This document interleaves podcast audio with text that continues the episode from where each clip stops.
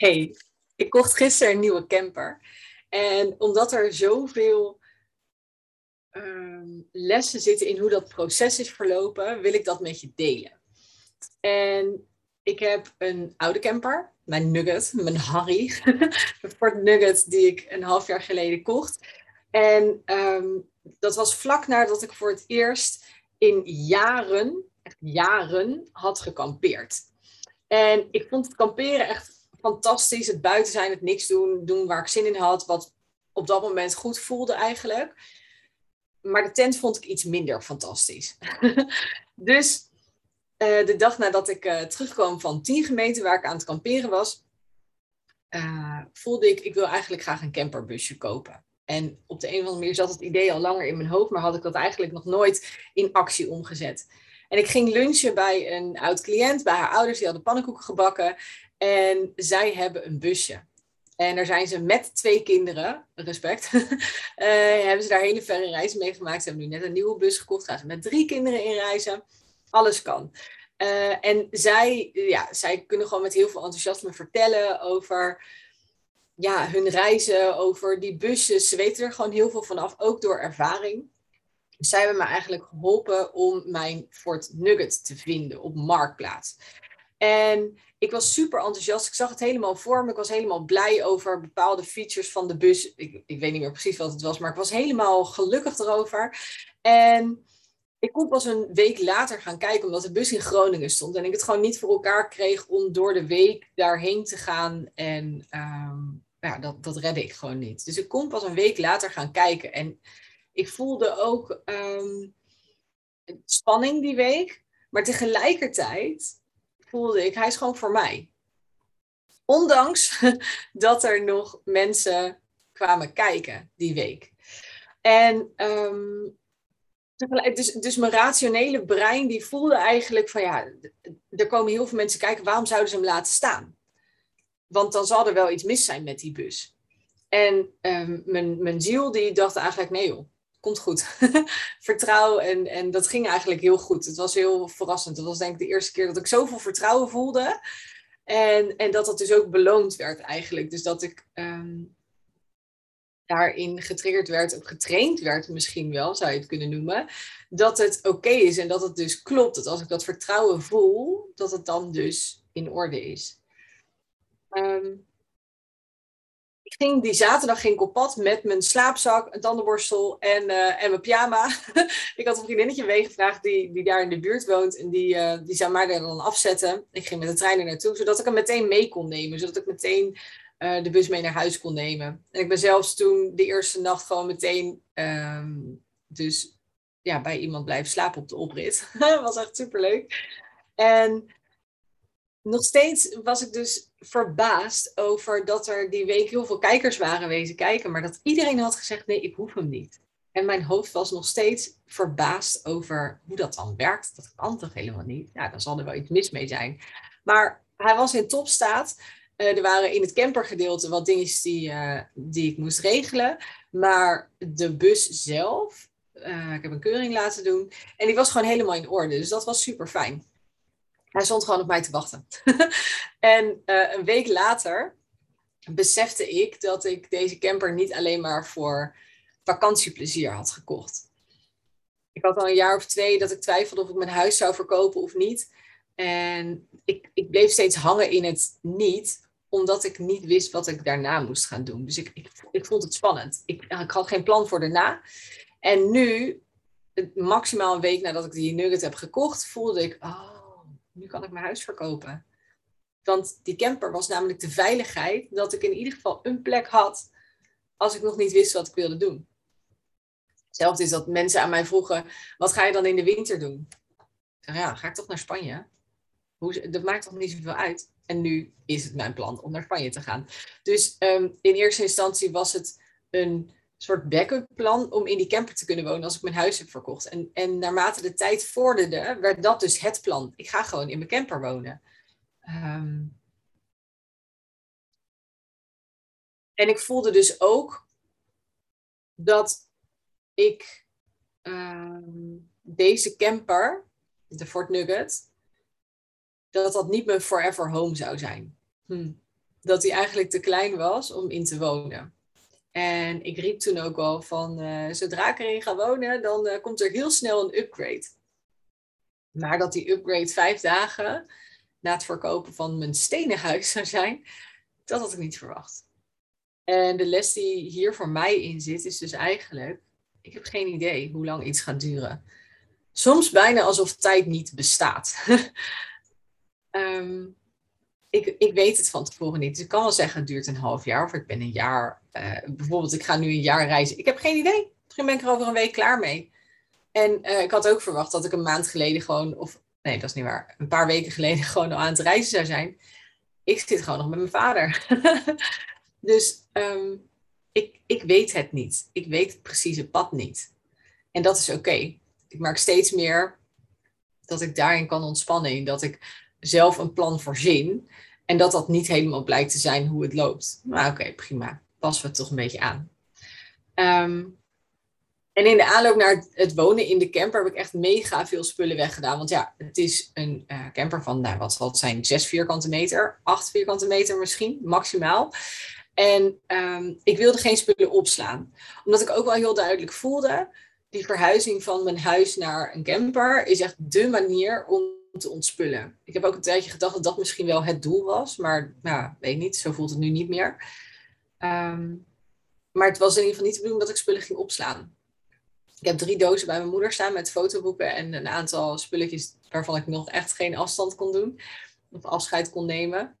Um, en misschien dat ik die uh, op een later moment ook gewoon wegdoe. En ik merkte dus dat dingen waar ik geen afstand van kon doen, dat ik als ik die nog twee keer had vastgehad, dat ik dan voelde, oh ja, nu kan het eigenlijk weg. Alsof ik een soort afscheidsproces nodig had. Ik heb heel veel foto's gemaakt, filmpjes gemaakt. Het voelde ook heel fijn om dingen aan mensen weg te geven en niet zozeer um, naar de kringloop te brengen, wat ik ook gedaan heb hoor. Maar het voelde heel fijn om spullen aan mensen te geven die ik ken en om dan te weten dat zij er blij mee zouden zijn. En dat ik soms nog steeds foto's krijg van mensen die zeggen, hey, kijk, hier staat dit of dat van jou. En um, nou, dat is gewoon heel leuk om te zien dat andere mensen daar blij mee zijn. Daar, daar geniet ik echt heel erg van. En dat had ik eigenlijk niet verwacht. Ik had verwacht dat ik jaloers zou zijn op al die spullen die bij, uh, bij al die mensen staan. Maar het is eigenlijk gewoon heel erg fijn. En het voelt heel prettig om dat te hebben kunnen doen. En um, ik besefte eigenlijk pas hoeveel spullen ik had op het moment dat ik alles aan het wegdoen was. Want elke keer dat er iemand iets kwam ophalen, en ik had dan weer mijn hele woonkamer volgezet, ik deed het echt in fases. Um, dus dan stond mijn hele woonkamer weer vol en dan konden mensen uh, spulletjes komen halen. En dan zei iedereen elke keer: Wow, wat veel spullen. En ik dacht dan: Je hebt geen idee hoeveel er al weg is. En je hebt geen idee hoeveel er nog boven staat. En in de schuur. En in al die kasten die je hier ziet staan het was echt, ja, ik had zoveel spullen. En um, dat zag ik elke keer weer. Dus als er mensen langskwamen, maar ook als ik vuilnis ging wegbrengen. Als ik weer een aantal volle vuilniszakken had. Als ik naar de kringloop toe ging.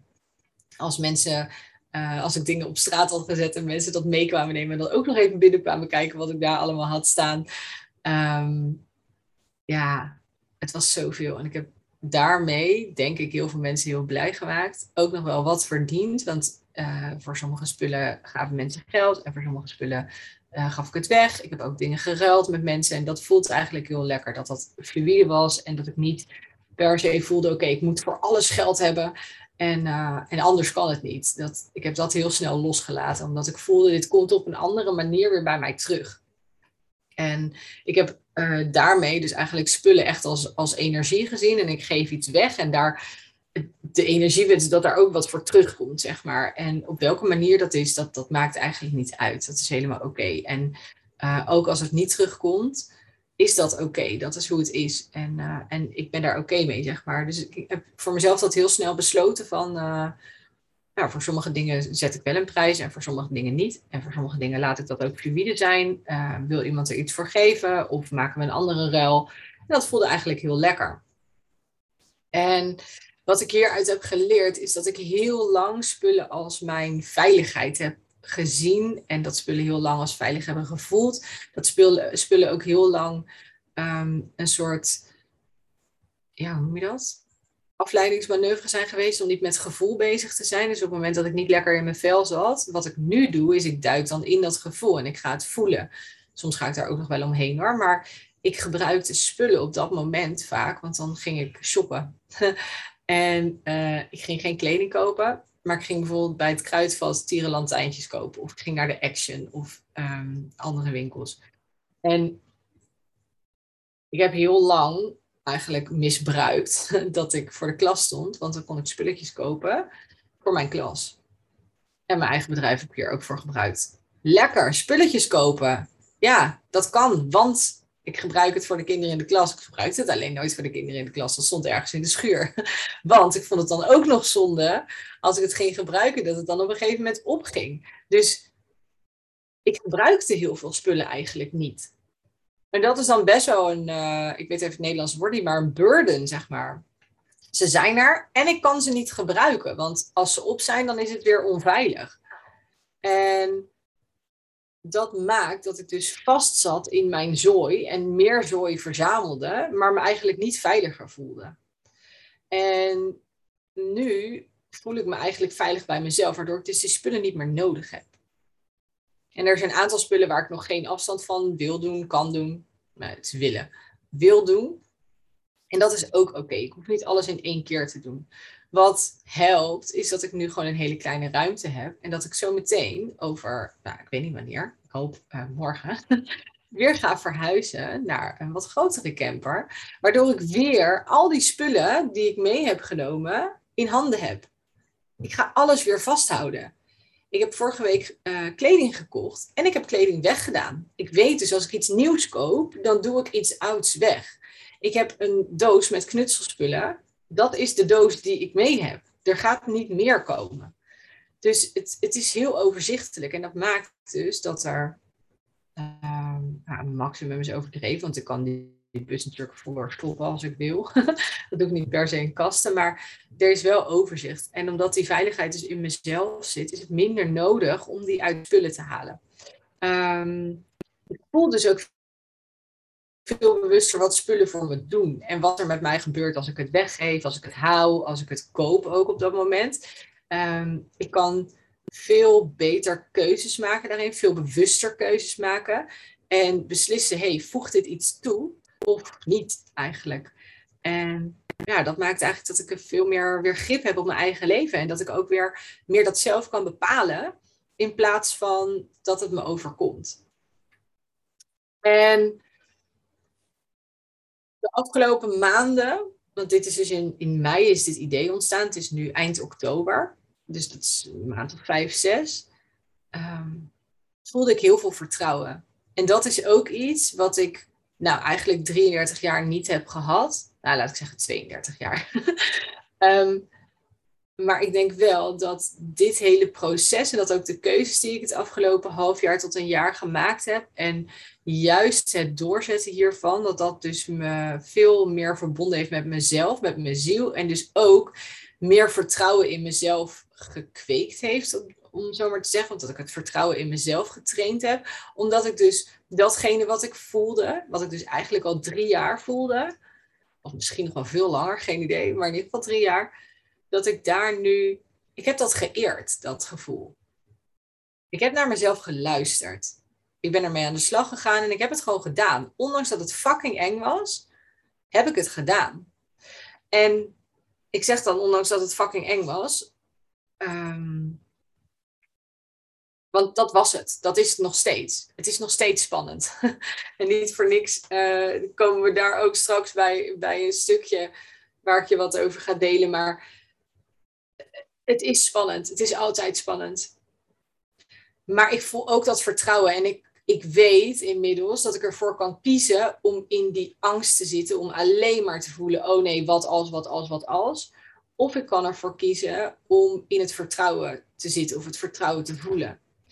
Maar wat niet helpt, is, het, is die angst onderdrukken.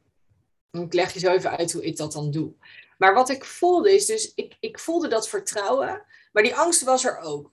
En ik heb dus heel bewust de keuze gemaakt om mijn angsten met sommige mensen niet te delen. had haar fijn door. En achteraf zie ik pas dat ik dat door had. Maar onbewust ehm, deelde ik mijn angsten niet met mensen die die angsten zouden versterken. Ik deelde mijn angsten met mensen die juist mijn ziel zouden versterken. En die zouden zeggen, ah, ik snap dat je bang bent. Maar volgens mij komt het goed. Um, op het moment dat ik het deel met mensen die het ook spannend vinden, en zij steunen dus dat angstige deel en zeggen, ja, inderdaad, wat als alles misgaat? Ja, dan, gaat dan wordt dat deel in mij alleen maar groter. En ik voelde gewoon, dat helpt mij niet. Het helpt mij om wel die angsten uit te mogen spreken, maar dan tegen een neutraal persoon. Iemand die er geen belang bij heeft of ik wel of niet ga, of wel of niet veilig ben. Het klinkt heel bot, maar weet je, iemand die er iets, meer, iets erbuiten staat, dus coaches of mensen die ik nog wat minder lang ken, of mensen die al deze ervaring hadden, uh, of het zelf super graag wilden. Dat zijn de mensen met wie ik mijn angsten heb gedeeld. En op het moment dat ik het vertrouwen voelde, was het oké om met mensen die het spannend vonden, allemaal voor me, in gesprek te gaan. Maar als ik zelf die angst, of heel erg in dat angststuk zat, vond ik dat best wel lastig. Um, en dan probeerde ik wel altijd het vertrouwensstuk naar voren te schuiven. Want er waren heel veel mensen die zeiden: Oh, wat nou als je, als je bus het begeeft? En dan dacht ik: Ja, uh, dan laat ik hem repareren. of ik koop een nieuwe. Of ik ga een huis huren. Of uh, weet ik veel. Wat nou als je het niet leuk vindt? Ja, rustig. En wat nou als je dan terugkomt? Dan heb je geen huis meer. Nee. Net zoals zeg maar de helft van Nederland die geen koophuis heeft, maar gewoon een huis huurt. Weet je, het is een soort van. Omdat ik mijn huis verkocht heb, voelt het bijna alsof. Het is the end of the world, zeg maar. Het is, is, het is een huis, een koophuis hebben of, of niet. En, en je kunt bijna niet meer terug als je eenmaal een koophuis hebt gehad. Dat is natuurlijk onzin, hè? Tuurlijk kan ik hierna gewoon gaan huren. Waarom moet ik per se weer kopen?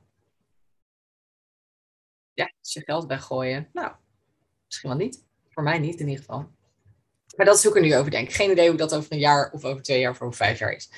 Um, dus ik, ik, ik koos heel bewust, nou, onbewust eigenlijk, maar als ik terugkijk, deed mijn ziel dat heel bewust, denk ik, met wie ik um, bepaalde zaken deelde.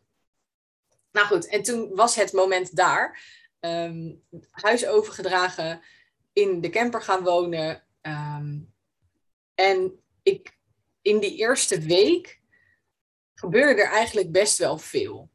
Ik merkte al heel snel dat ik het opklappen of het uitklappen en het inklappen van dat bed, was ik heel snel zat. Onder andere omdat ik best wel veel losse spullen nog op de grond had staan, die ik steeds moest verschuiven. En dat het matras, of het bed eigenlijk niet zo heel erg lekker lag. Dus ik had er een luchtbed op liggen. Nou, dat, dat moest dan weer ergens naartoe. Of ik moest het steeds opblazen. Nou, vond ik ook niks. Dus ik merkte al snel dat ik daarop uh, begon te mopperen. En het grappige is dat toen ik uh, steeds weekenden of weekjes wegging, dan was het niet zo erg. Dan had ik A, minder spullen bij me. En uh, B, wist ik dat ik gewoon de nacht daarna weer in mijn lekkere bed kon slapen. En dat was nu niet meer het geval dit was nu mijn bed namelijk. En dit was nu ook mijn huis. En ik voelde dat dat al een beetje begon te schuren.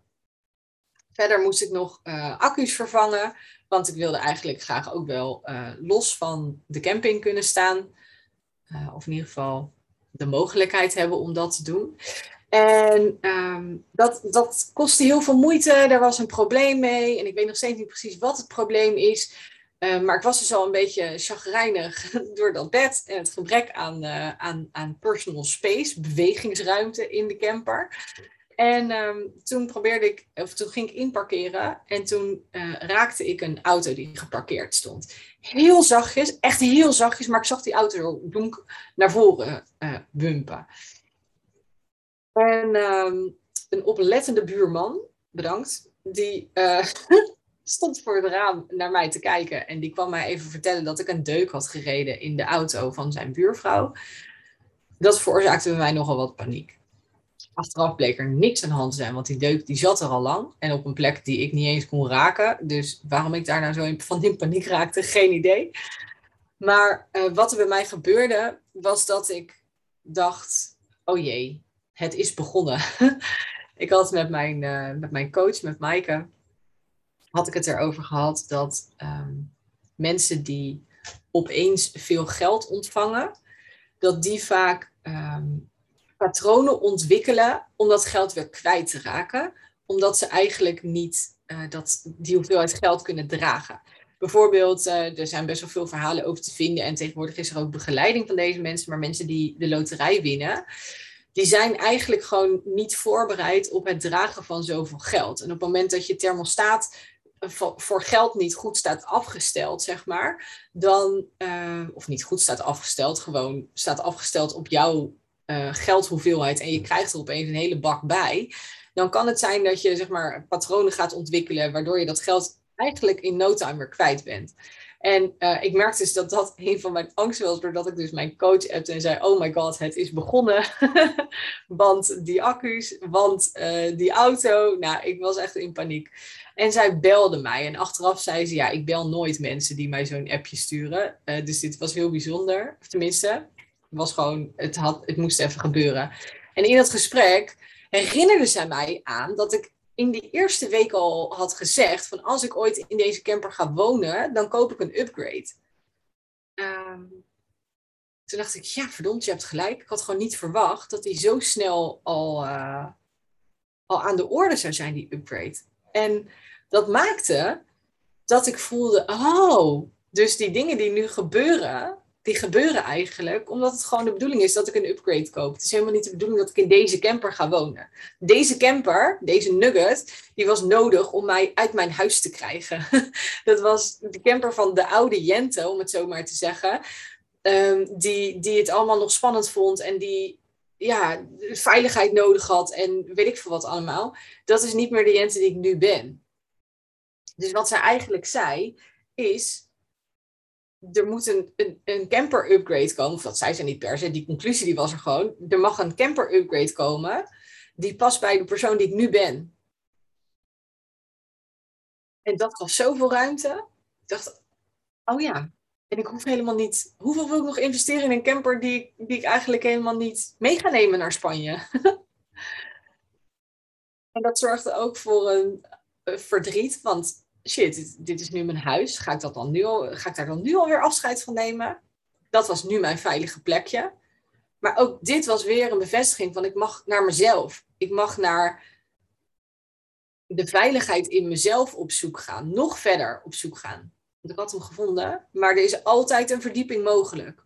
Ik denk dat er nog wel twintig verdiepingen mogelijk zijn in dat opzicht. In alle opzichten trouwens. Um, en ik, ik had mezelf zelfs alweer wijs gemaakt dat ik niet per se off-grid hoefde te staan. Dat ik niet in de natuur hoefde te zijn. Bla bla bla bla bla. Gewoon omdat ik dan dus die oude camper kon houden. En het is dus de bedoeling, de les die ik eruit haal, is dus weer: ik, ik mag groeien. Ik mag veranderen. Want als ik doe wat ik altijd al deed, dan krijg ik wat ik altijd al kreeg.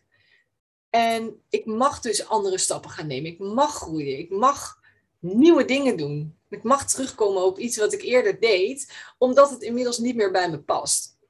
En ik denk dat wij heel vaak de overtuiging hebben van oké, dit is wie ik ben. Punt. En van daaruit ga je handelen. Maar dat is onzin. Jij bent niet een vaststaand persoon. Jouw persoonlijkheid mag veranderen. En ja, ik denk dat dat een van de grote lessen is die ik hier dan uit heb gehaald.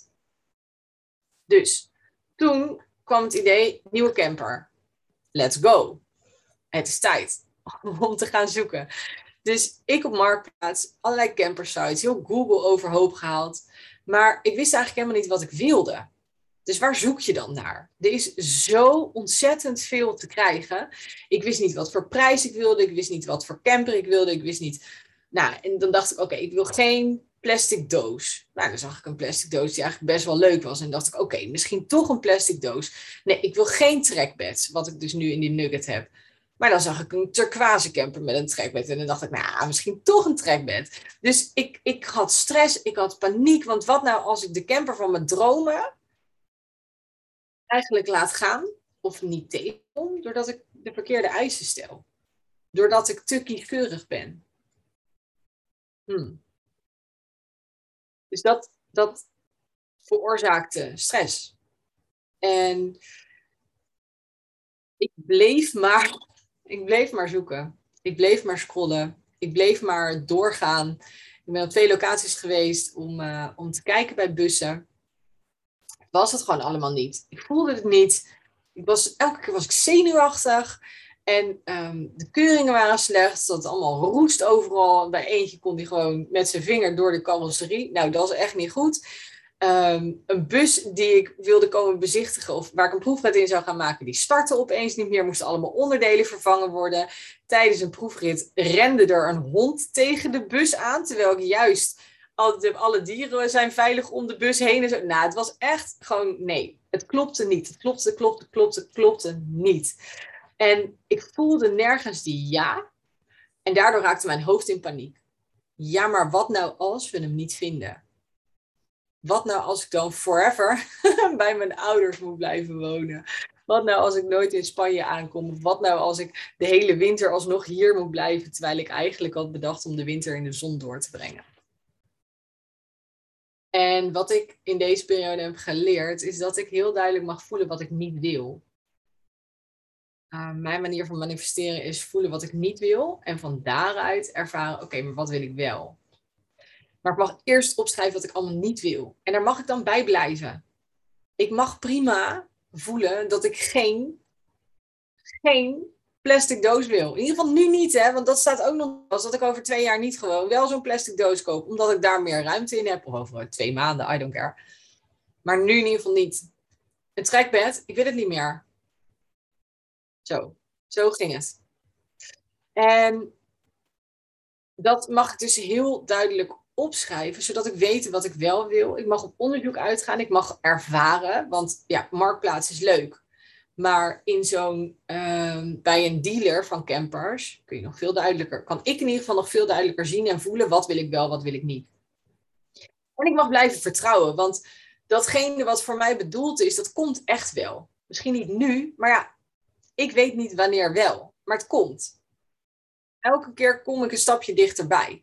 En het is niet zo dat doordat ik ergens nee tegen zeg, dat daardoor het universum zegt, nou, fuck you dan. Gaan we het echt toch lekker niet doen. Nee, juist doordat ik nee zeg, ontstaat er ruimte voor datgene wat wel voor mij bedoeld is. Ja?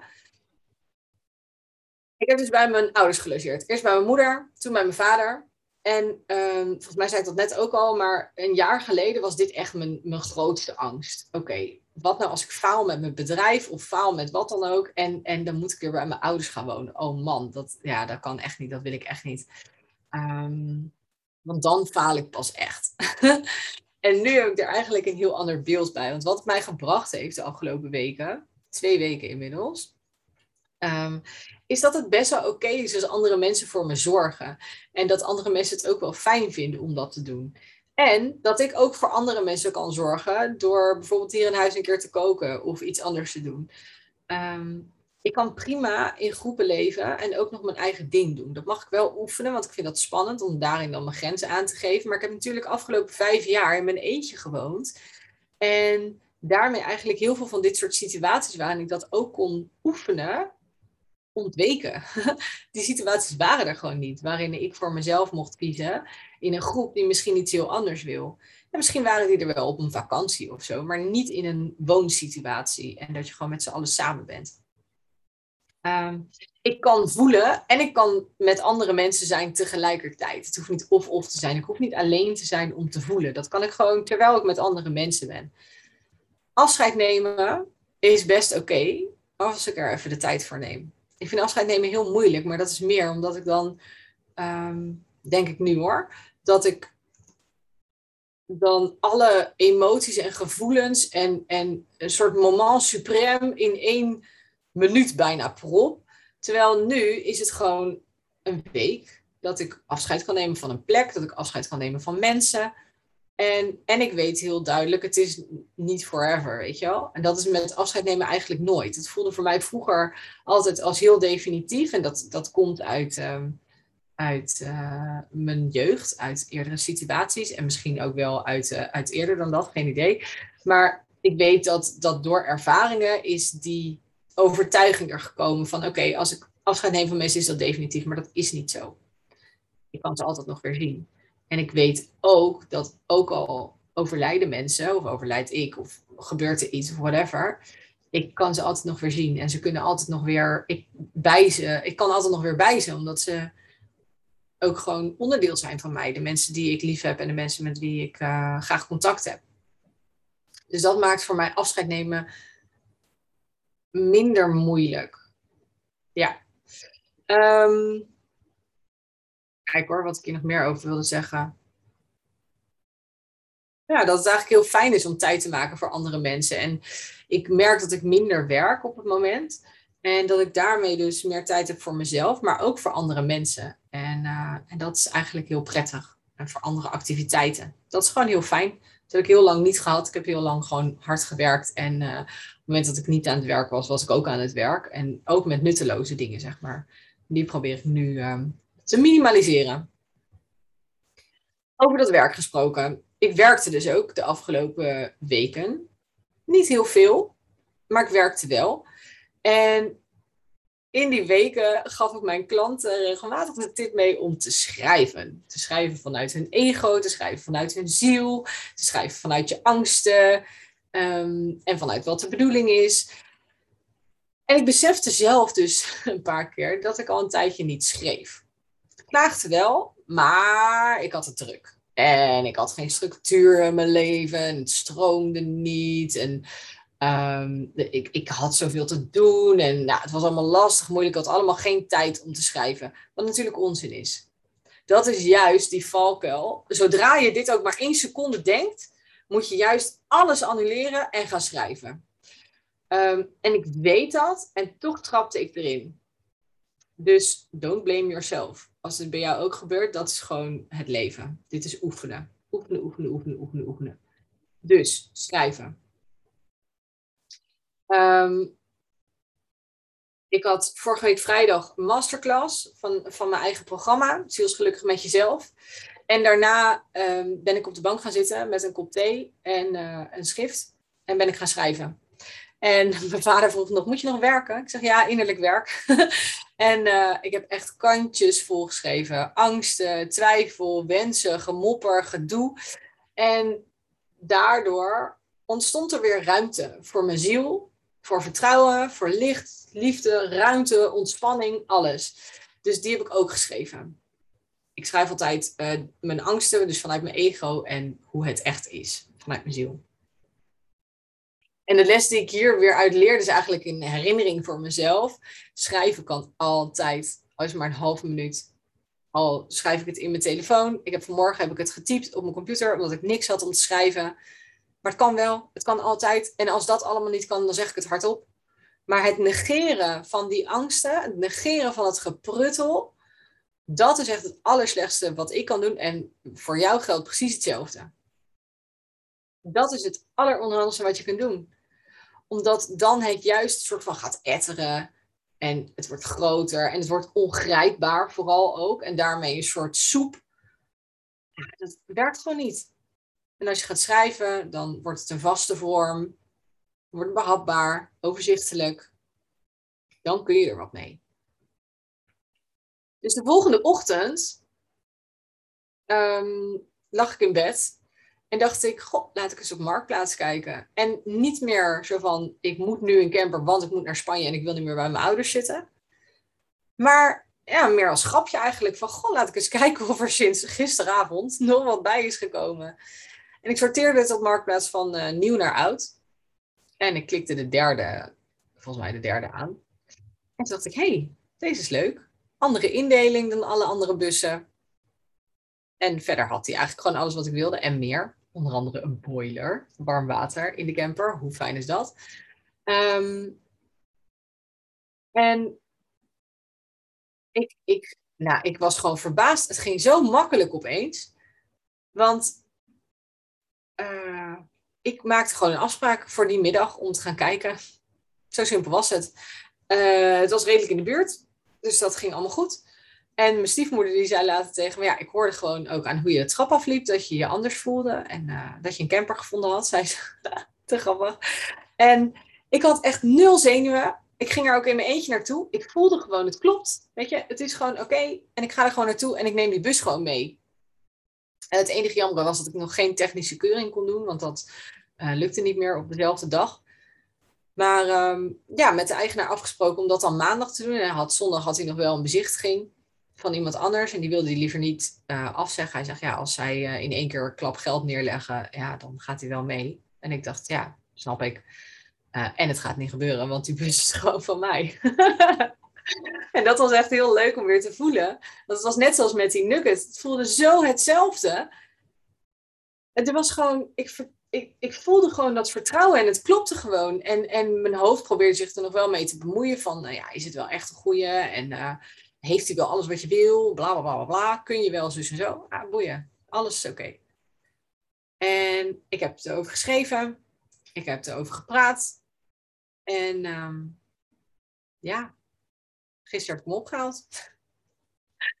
ik weer niet gedaan die mensen van zondag, die, uh, ja, die vonden hem ook heel leuk, maar die konden niet op tijd een keuring regelen.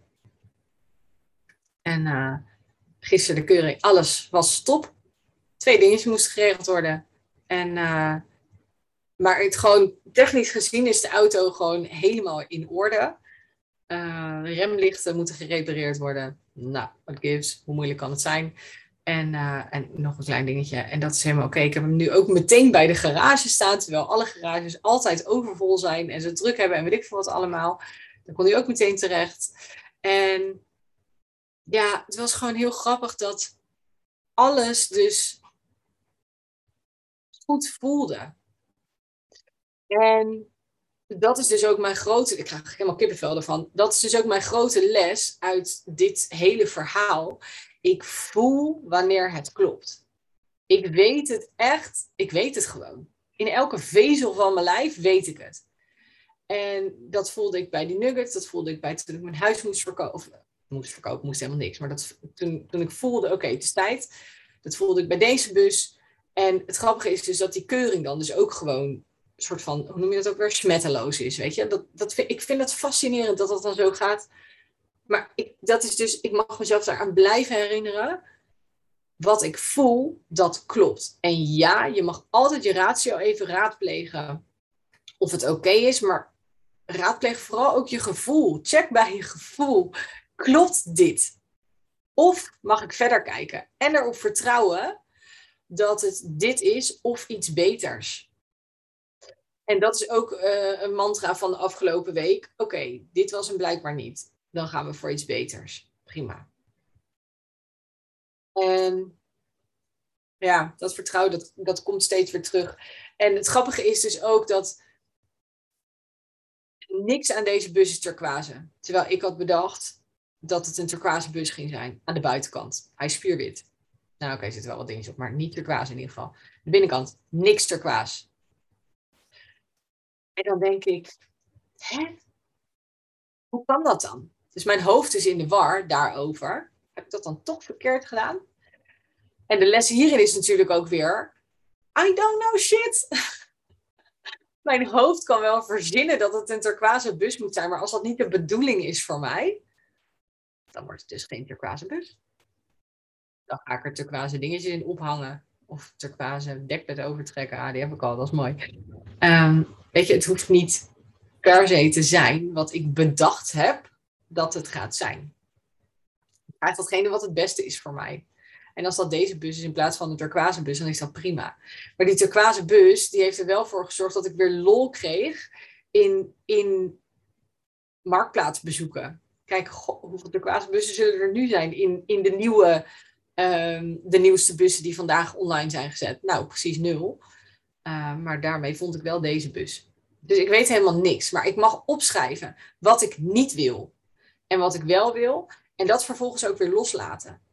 Want wie weet is mijn huis in Spanje, waar ik misschien wel of niet ga wonen, I don't know. Misschien is die wat turquoise. Of misschien uh, struikel ik over een turquoise steen en uh, weet ik veel, vind ik daar de man van mijn leven. Ik heb geen idee. En dat is ook oké. Het grappige is dus dat ik daar inmiddels weer vertrouwen begin te vinden. Dat, um, dat everything is working out for me. En dat ook op het moment dat ik denk, hey, dit is helemaal niet wat ik wil, of dit is helemaal niet de bedoeling, of hey, dit is niet goed voor mij, dan nog is dat het beste wat ik op dat moment kan krijgen. Dan is er misschien een les die ik daaruit moet leren. Of is er een groeimogelijkheid voor me die ik anders zelf niet had gezien of gecreëerd of wat dan ook.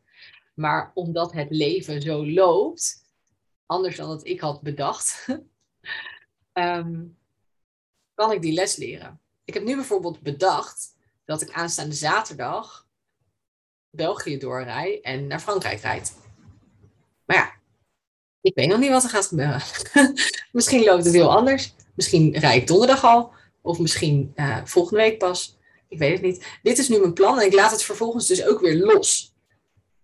Als het een week later is, komt het ook wel goed. Is het ook niet erg. Ik zit nergens aan vast. Er, is, er ontstaat niet opeens een vreselijk probleem als ik een week later de grens met Frankrijk overga. Thanks for listening of voor het kijken. Uh, ik weet niet wat je aan het doen bent. Maar uh, ja, dankjewel. En ik ben ook benieuwd wat jij hier uithaalt. En uh, ik hoor wel eens van mensen van ja, maar ik wil niet een, een camper. Ja, dat is prima. Dit kun je echt overal op toepassen. En dat vind ik juist zo tof. Dat ehm, het loslaten en het, het uh, vinden van je zielspad eigenlijk. Waar jij zielsgelukkig van wordt. Dat is voor iedereen anders. En dit is het nu voor mij, maar wie weet is het over een half jaar ook alweer totaal anders. Maar de essentie zit er in dat ik doe wat ik op dat moment voel dat bij mijn ziel past. En wat mijn ziel het meest gelukkig gaat maken. En wat mijn ziel het meest gelukkig gaat maken, is dat ik luister naar wat voor mij bedoeld is en daar mee aan de slag ga. Ben benieuwd wat het voor jou is. Doei!